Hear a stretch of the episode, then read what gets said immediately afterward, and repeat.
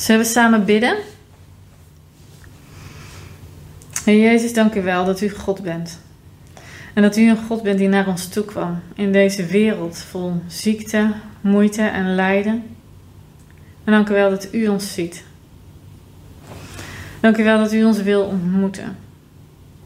En ik bid u, kom Heilige Geest. Heer, we verlangen zo naar een ontmoeting met u. Een ontmoeting die een shift, een onmiskenbare verandering teweeg kan brengen.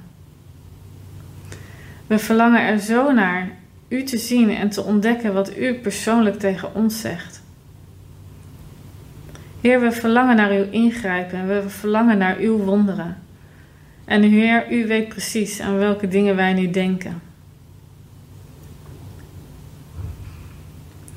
Heer Jezus, ik bid u om uzelf, om uw woorden, om uw aanraking voor onze geest, onze ziel en ons lichaam. En ik zegen jou om Jezus te ontdekken in jouw leven, om zijn vraag aan jou: wil je gezond worden? te beantwoorden.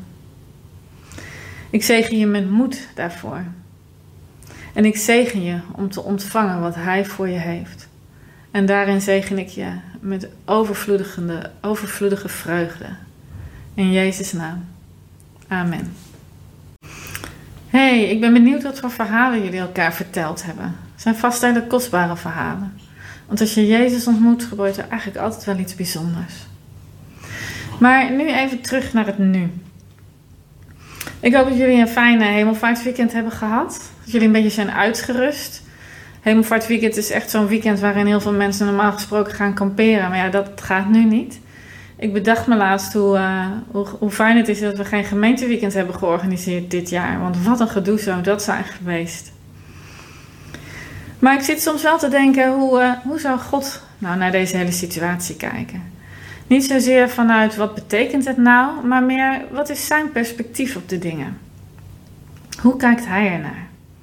Hij heeft door de eeuwen heen al zoveel van zulke soort tijden meegemaakt. Oorlogen, epidemieën, geweld door mensen of natuur. Op grote schaal en op kleine schaal. Voor ons is het nieuw, maar voor God niet. En hij wordt niet overvallen door zulke soort situaties. Het is niet dat hij dan denkt: oh jee, wat moet ik nu? Hij hoeft niet te schakelen, hij hoeft zijn plannen niet bij te stellen. Hij verandert niet en zijn plan met ons staat vast. Hij is nog steeds bezig onze harten te raken met zijn liefde. Hij is nog steeds bezig jou dicht aan zijn hart te trekken. En nog steeds wil hij de mensen die hem nog niet kennen graag raken met zijn liefde en zijn nabijheid. Nog steeds is hij liefde. En hij gaat door met wat hij aan het doen is. Maar wat betekent dat nu voor ons als kerk? Nu we nog steeds zo beperkt zijn in het samenkomen. In Matthäus 16, vers 18 zegt Jezus tegen Petrus: En ik zeg je, jij bent Petrus, de rots waarop ik mijn kerk zal bouwen. En de poorten van het dodenrijk zullen haar niet kunnen overweldigen. Jezus zelf bouwt zijn kerk. En niets kan hem daarin tegenhouden. En niets kan die kerk overweldigen. Jezus bouwt zijn kerk. Dat is wat hij aan het doen was. Dat is wat hij zal blijven doen. En dat is wat hij nu aan het doen is. Dus ook nu is Jezus bezig zijn kerk te bouwen. Hij is bezig zijn kerk te versterken en op te bouwen, zodat de kerk zijn stem, zijn handen en zijn voeten in deze wereld kunnen zijn. Maar je vraagt je misschien af, hoe dan, nu we zo beperkt kunnen samenkomen? een poos geleden had ik een indruk. En die indruk die was dat als wij als kerk een veilige plek willen zijn voor mensen om God te zoeken, uh, God te ontdekken, om in zijn aanwezigheid te zijn, om uh, tot rust te komen, om uh, door hem aangeraakt te worden, dan hebben we sterke muren nodig. Zodat het veilig is om naar binnen te komen. En omdat het, zodat het veilig is om binnen te zijn. Een huis dat staat als een rots en niet bij de eerste de beste storm omwaait. maar een huis dat een veilige schuilplaats kan zijn.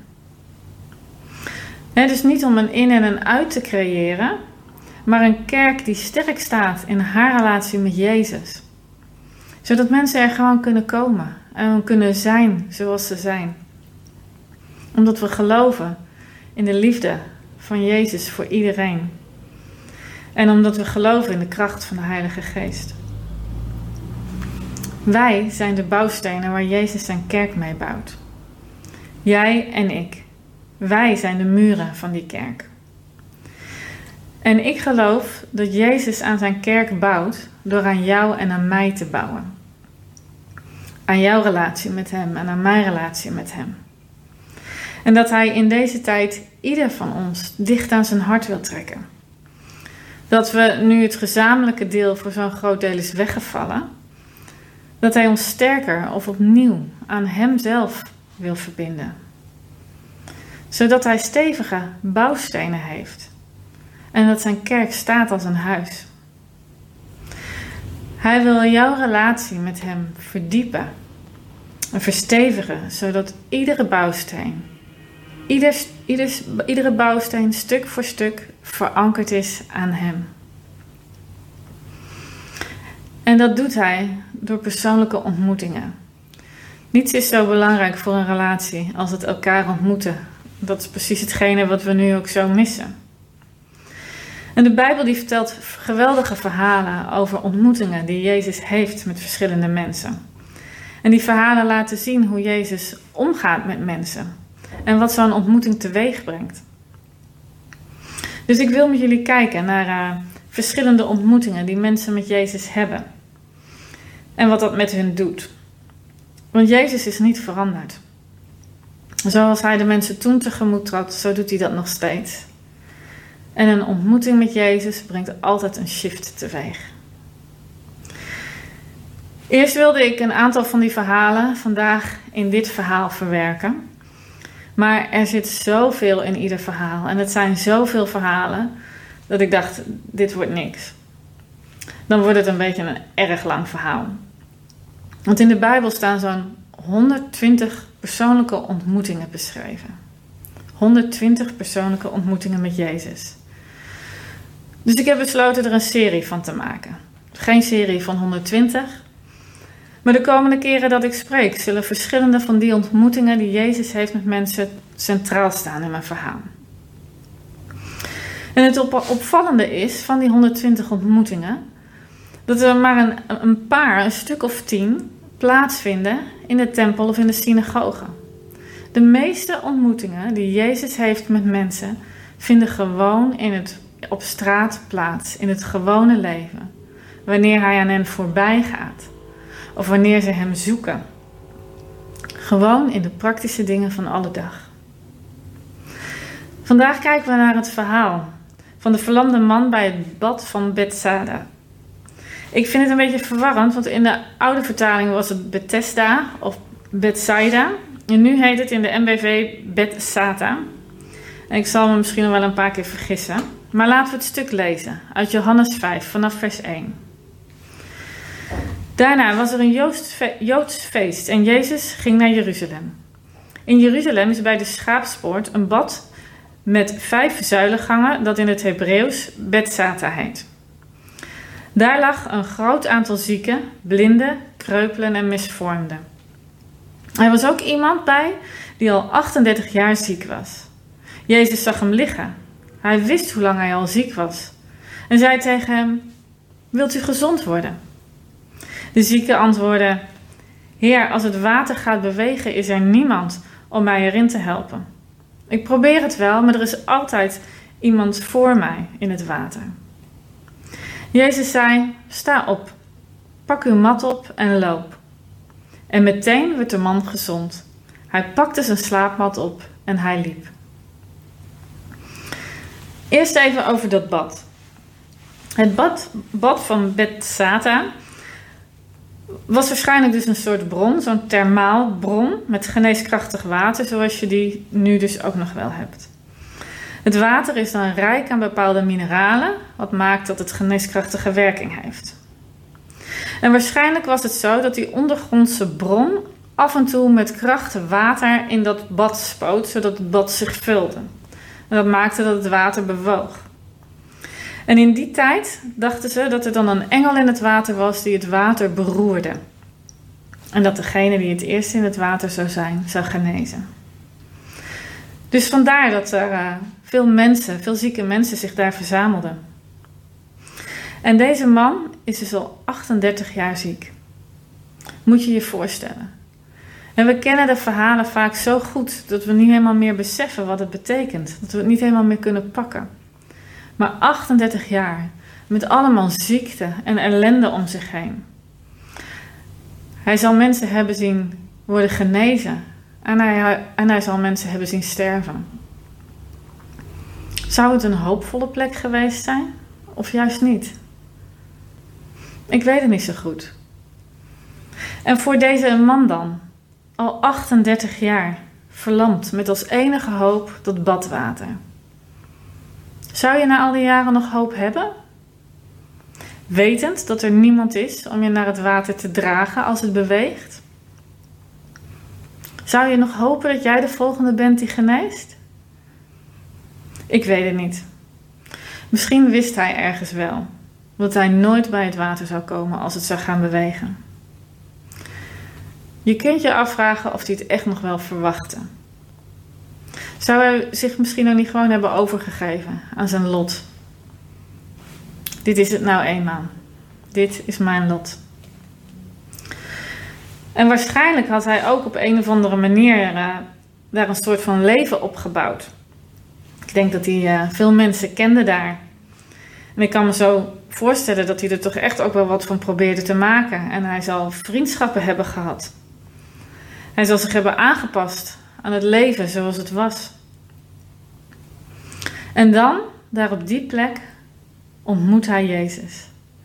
En die ontmoeting heeft een enorme impact. En die brengt een enorme shift teweeg.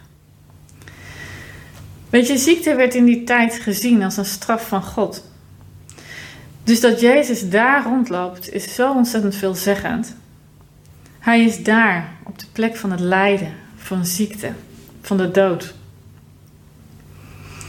En Jezus stelt hem de vraag: Wil je gezond worden? Een man die al 38 jaar verlamd is, wiens enige hoop dat water is, die daar al, al jaren ligt in de hoop dat hij ooit eens dat water zou bereiken, zodat hij zou genezen. Wil je gezond worden? Het lijkt bijna een overbodige vraag. Misschien wel een stomme vraag. Wat zou die man gedacht hebben? Ik kan me ook voorstellen dat je er een beetje boos van zou kunnen worden. Maar toch stelt Jezus hem die vraag niet voor niks, want er staat: Jezus wist hoe lang hij al ziek was en zei tegen hem: Wilt u gezond worden? Juist omdat Jezus wist dat die man al 38 jaar ziek was, vroeg hij het hem. Omdat hij er al zo lang mee worstelde. Maar waarom dan? Weet je, misschien was die plek echt wel zijn thuis geworden. En misschien had hij zich wel met die plek geïdentificeerd. Dit is mijn leven. Dit is wie ik ben. En hier moet ik het mee doen. Hij had zich misschien wel verzoend met zijn lot. En hij had daar na al die jaren gewoon misschien ook wel een plek veroverd. Vrienden gemaakt. En wat zou gezond worden eigenlijk voor hem betekenen? Wat zou hij allemaal moeten loslaten? Het leven zoals het kenden, dat was er dan niet meer.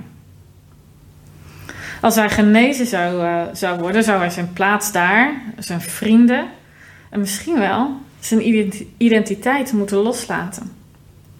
En dan? Wat moest hij dan na 38 jaar? Ik merkte het al toen ik na 16 jaar mijn baan opzij. Hoe ingewikkeld dat is.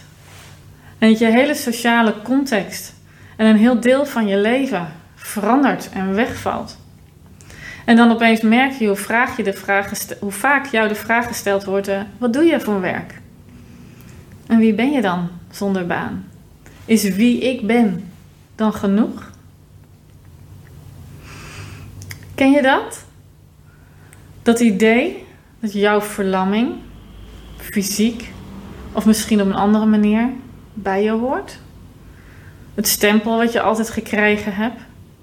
Je minderwaardigheidsgevoelens, je schuldgevoelens, je somberheid, je angst. Het gevoel er aan, aan de rand te staan of er niet bij te horen. Of misschien wel je verslavingen, waarvan het je steeds maar niet lukt om er vanaf te komen. Een ontmoeting met Jezus brengt een enorme shift teweeg. Een ontmoeting met Jezus brengt verandering teweeg. Maar wie zou je zijn als dat stuk niet meer een deel van jou zou zijn? Hoe zou dat eruit zien? En dat kun je je misschien nog wel helemaal niet zo voorstellen. Toen ik mijn baan opzij, had ik geen idee hoe het verder zou gaan. Het was voor mij echt een sprong in het diepe.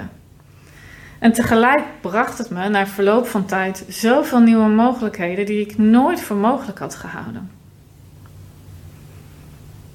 Dus het vraagt het nemen van een risico, ook voor deze man. Wil je dat? Zou je daartoe bereid zijn?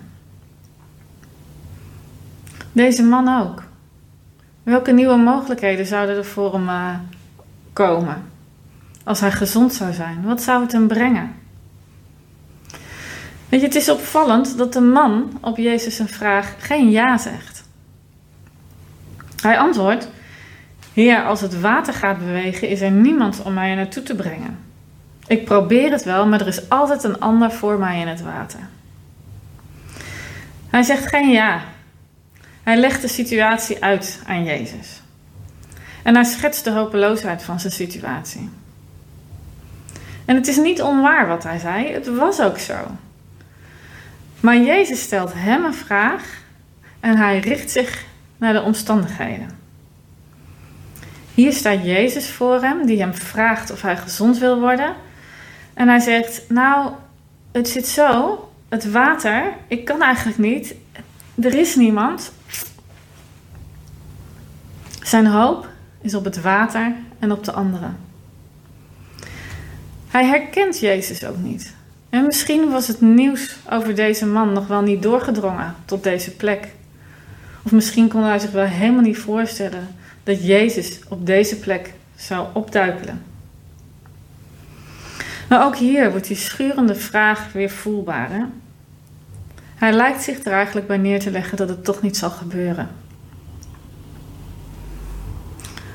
Hoewel het allemaal waar is wat hij zegt, Jezus vraagt hem: Wil je gezond worden? En die vraag maakt dat hij een keuze moet maken. Het gaat, natuurlijk, het gaat hier namelijk niet alleen maar over beter worden. De vraag gaat ook over vertrouwen. Wil je genezen en mag ik daar een rol in spelen? En het liefdevolle van Jezus is dan ook niet dat hij een oordeel is dat hij dan ook geen oordeel heeft over het antwoord van deze man. Hij laat de man uitpraten en zegt dan: Sta op, pak uw mat op en loop. Zo simpel, zo wonderlijk. Moet ik gaan lopen? Ik lig hier al 38 jaar. Kijk naar mijn lijf. Zou hij ooit op het, zelf ooit op het idee gekomen zijn om te proberen? Jezus vraagt hem hier om iets te doen wat hij altijd vermeden heeft. Iets wat heel logisch lijkt, maar wat voor hem ook echt onmogelijk was. Deze man had zijn hoop op het water gesteld en op de mensen die hem daar naartoe zouden kunnen brengen. Hij moet het beeld van zijn genezing en hoe dat eruit zou zien, hij moet het loslaten. Hij moet zijn theorieën loslaten.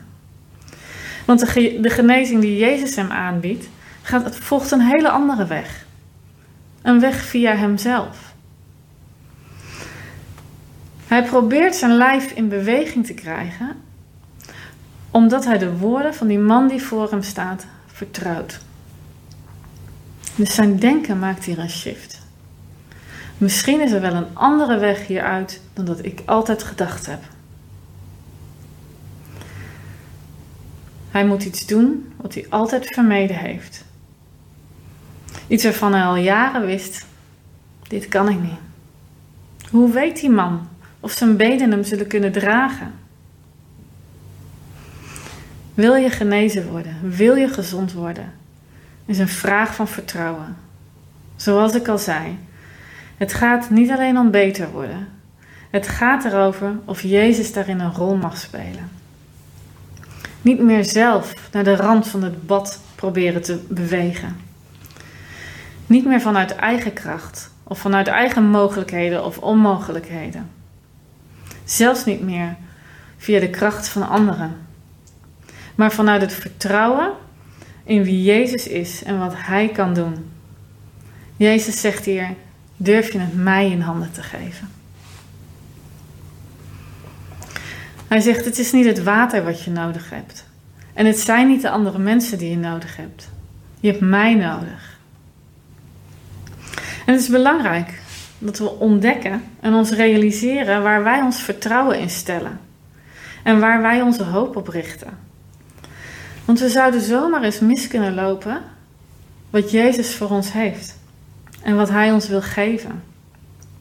En misschien wel omdat het er zo anders uitziet dan we verwachten. Deze ontmoeting brengt bij deze man een enorme shift teweeg. In zijn denken en in zijn lichaam. En zijn, zijn referentiekader verandert en hoe hij naar zichzelf kijkt verandert. En meteen wordt hij genezen. Hij staat op, hij pakt zijn mat op en hij loopt. Alles is anders. Soms is de impact van een ontmoeting met Jezus enorm groot. En staat je hele leven op zijn kop. Zoals voor deze man. En misschien heb je net wel zo'n soort verhaal van iemand gehoord met wie je hebt gesproken. Soms heeft het impact op je hele bestaan. En soms lijkt de impact heel klein. Maar dat heeft ook een beetje te maken met waar je bent in je leven. Voor mij is het nu vaak zo dat als ik het leven ingewikkeld vind of ik maak me zorgen om iets, dat ik in een ontmoeting met Jezus de dingen weer in een ander perspectief kan zien. In zijn perspectief. In het perspectief van Jezus, die zo, tot zoveel meer in staat is dan ik kan bedenken of voor mogelijk kan houden. En op manieren die ik zelf nooit bedacht zou hebben. Maar misschien denk je nu wel, ja, maar weet je, als Jezus zo voor me zou staan, ja, dan zou ik wel ja geantwoord hebben. Als Jezus zo voor me zou staan, dan zou ik wel genezen. Ik zou meteen proberen op te staan en mijn spullen pakken. Als Jezus hier was geweest, dan zou ik genezen. En als Jezus voor me stond, dan zou ik vertrouwen. Maar weet je, Jezus is hier. Hij leeft. In jou, in mij, in degene die naast je op de bank zit, in je medekringleden, in je medevinjarders, in zoals dat dan heet, je broers en je zussen. Jezus kwam naar de aarde als mens. Volledig God werd hij volledig mens. En we hebben de hemelvaart gevierd. Jezus ging terug naar zijn vader. Maar het werd ook Pinksteren en dat vieren we volgende week. Jezus stort zijn geest uit in de mensen, zodat Hij in ons zou zijn. Weet je nog? Wij zijn zijn lichaam. Wij zijn zijn stem, zijn handen en zijn voeten. Voor elkaar en voor de mensen om ons heen. Jezus is hier en hij is niet veranderd. Hij kwam naar de plek van lijden, van onrecht, van ziekte en van dood. En nog steeds is dat de plek waar hij graag mensen ontmoet. Waar hij mensen wil ontmoeten om impact te hebben op hun levens. In ons is hij zelf een bron met van water dat leven geeft. Hij leeft in ons. Wij geloven in de kracht van de Heilige Geest om een shift teweeg te brengen in onze levens en in de levens van de mensen om ons heen. Want een ontmoeting met Jezus brengt altijd een shift teweeg. Een verandering. En het heeft altijd impact. Hoe kan Jezus jou vandaag ontmoeten? zodat jij als bouwsteen van zijn kerk meer en steviger verankerd raakt in Hem. Zodat de muren van zijn kerk steviger zullen worden. En over welk deel van jouw leven vraagt Jezus jou vandaag: wil je gezond worden? En wat is daarop jouw antwoord? Zou je het risico durven lopen? Loslaten wat je kent en hem erin toelaten. Om te ontdekken wat hij dan kan doen. Misschien verlang je naar fysieke genezing. Bid dan voor elkaar. Dit is een goed moment om voor elkaar te bidden. En als je deze twee alleen doet, bid voor jezelf. Onderaan de sway staat ook het mailadres wat je kan mailen. En dan kunnen zouden we een afspraak kunnen maken om te bidden voor genezing. En als je niet zo goed weet hoe je moet bidden voor genezing, in de kidsuitwerking staat een heel mooi stappenplan over hoe je voor iemand kan bidden als het gaat om genezing. En ik uh, zegen je met een ontmoeting met Jezus daarin. Want een ontmoeting met Jezus brengt altijd een shift teweeg. Zullen we samen bidden? Heer Jezus, dank u wel dat u God bent. En dat u een God bent die naar ons toe kwam in deze wereld vol ziekte, moeite en lijden.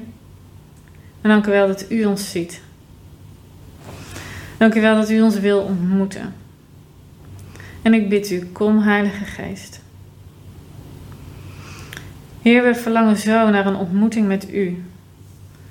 Een ontmoeting die een shift, een onmiskenbare verandering teweeg kan brengen. We verlangen er zo naar u te zien en te ontdekken wat u persoonlijk tegen ons zegt.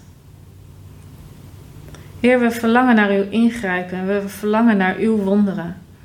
En Heer, u weet precies aan welke dingen wij nu denken. Heer Jezus, ik bid u om uzelf, om uw woorden, om uw aanraking voor onze geest, onze ziel en ons lichaam. En ik zegen jou om Jezus te ontdekken in jouw leven. Om zijn vraag aan jou: Wil je gezond worden? te beantwoorden. Ik zegen je met moed daarvoor. En ik zegen je om te ontvangen wat Hij voor je heeft. En daarin zegen ik je met overvloedige, overvloedige vreugde. In Jezus' naam. Amen.